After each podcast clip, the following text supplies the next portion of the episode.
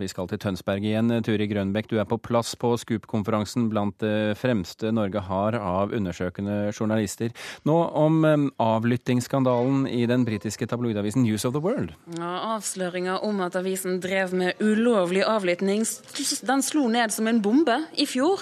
Altså I en årrekke så hadde avisforsidene i tabloidavisen News of the World vært prydet av kongelige skandaler og kjendisers sexliv. Men i fjor så ble til slutt avisen lagt ned, etter over 160 år etter avsløringer om hacking og ulovlig avlytting. Politisjef og tidligere redaktør har gått av. Britisk politi har gjort en rekke arrestasjoner. Nå sitter jeg sammen med Tom Letchem. For ett år siden så var han TV-redaktør i News of the World. Tom Letchem, welcome to NRK. Hello. Tell me, what was it like to work at News of the World the last few weeks? Um, it was only really until the last three days that we knew that we were going to be losing our jobs. It was like a bolt out of the blue, complete surprise.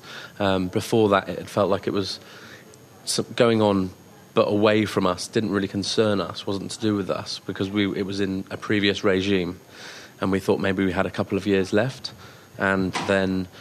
Uh, before they shut us, and then out of the blue, suddenly we were told that we were that it was the last edition on that Sunday. So really, it was only three days. We, we had no, no inkling before that. Tom forteller her at uh, de visste egentlig ikke helt at det gikk mot slutten. Det var først de siste dagene at de skjønte at uh, plutselig at avisen skulle bli lagt ned, og at det slo ned som en overraskelse i, uh, i redaksjonen.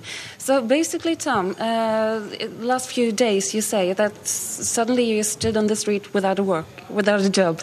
yeah, it was a strange three days um, because not only did we were we about to lose our job, we wanted to put out, and, and the, the, shock that came with that, we also wanted to put out a newspaper that, that befitted the 168 year history of the news of the world. Um, and do a good job of it and, and, and be proud of what we'd done. So, and then we also had to clear our desks and do our expenses and uh, everything that comes with a, with ending a job. while putting together a newspaper. So it was a very, very strange three days. Det var travle tre dager, forteller Tom her, at i løpet av eh, kun den tiden så skulle man lage en avis for aller siste gang som eh, skulle eh, for all del gjøre at man var stolt over de 168 avisene som avisen tross alt hadde levd. But uh, Tom, what was it like to work in News of the World? And at the same time, reading about all the allegations of hacking, phone hacking at the same time? Well, as I say, it was like something that was going on elsewhere. Um, Were you shocked? Well, I, I joined them after um, after someone had been jailed for it, so I wasn't shocked that it had happened, but I was certainly shocked at the extent that it had happened. Um, that that was a shock to us, and and no one was happy with what was going on.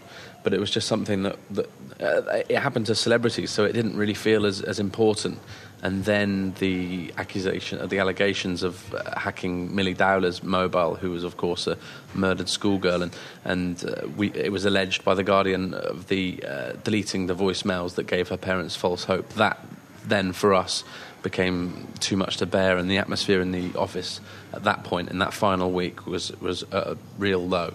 Det var altså Millie Dowler-saken. Vi husker kanskje det. Den eh, skolejenten som eh, hadde blitt drept. Avsløringene om at noen hadde hacket seg inn i hennes voicemail, som gjorde at eh, stemningen snudde i avisen.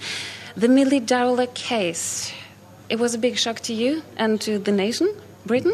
Oh, massive. And that was the thing that, um, that turned public opinion from something people weren't that fussed about celebrities having their voicemails hacked because they see celebrities as people making money out of newspapers and you know kind of so what but then to be uh, you know doing this to a dead a murdered girl. And also the allegation was that it was um, uh, uh, affecting a live police investigation, that was when the tide turned for the public and, and advertisers started pulling out of the news of the world. Um, there was meant to be a boycott that weekend. I don't know whether that would have happened or not because obviously it, it, it was the last edition, so that was different. But that was when the, the tide turned. Eh, til slutt så syns jeg vi skal spørre eller så skal vi spørre Tom eh, hva han synes om sin tid i News of the World. You lost your job. Yeah. Uh, it's been almost a year soon. Are you proud to say that you have been a journalist in News of the World? Um, yes. Uh, I'm not proud of what the News of the World did. Um, but I am proud to say that I worked for the biggest newspaper in the world.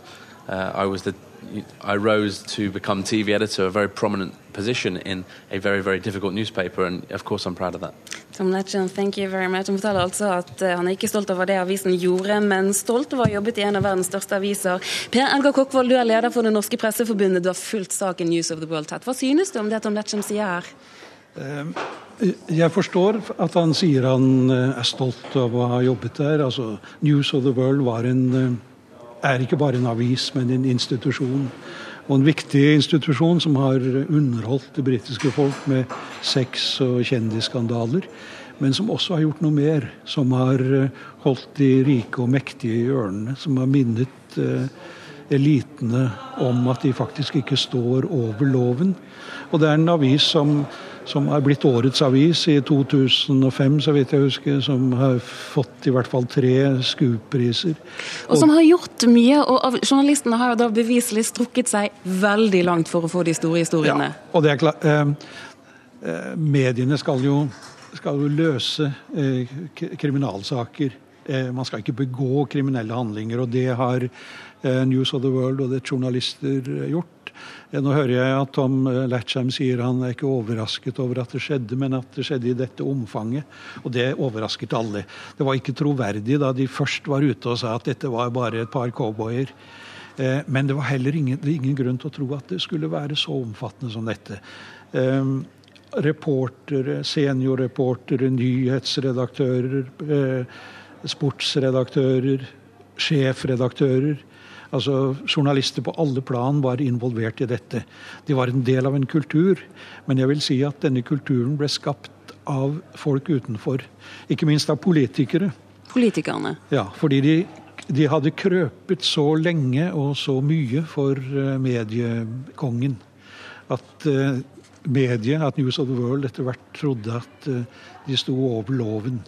Uh, hvilket de naturligvis ikke ikke gjorde. Og så er det en, en viss urettferdighet i dette. at altså, det ble avslørt, avdekket det ene etter det andre av avlyttingsskandaler. Politikere, sportsstjerner, eh, kjendiser av alle slag.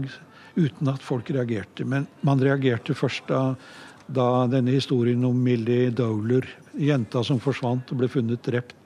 Og så ble det påstått av The Guardian at uh, at uh, avisen hadde slettet meldinger. Og Da ble folk for, forbannet. Men nå sier Scotland Yard at det er ikke riktig. Det var ikke avisene Nei. som slettet disse Nei. meldingene. Per eh, Edgar Kokkvold, takk for at du var med oss her fra Tønsberg. Og det er vel på tide å gi ordet tilbake til kollega Birger Kolskog Jåsund?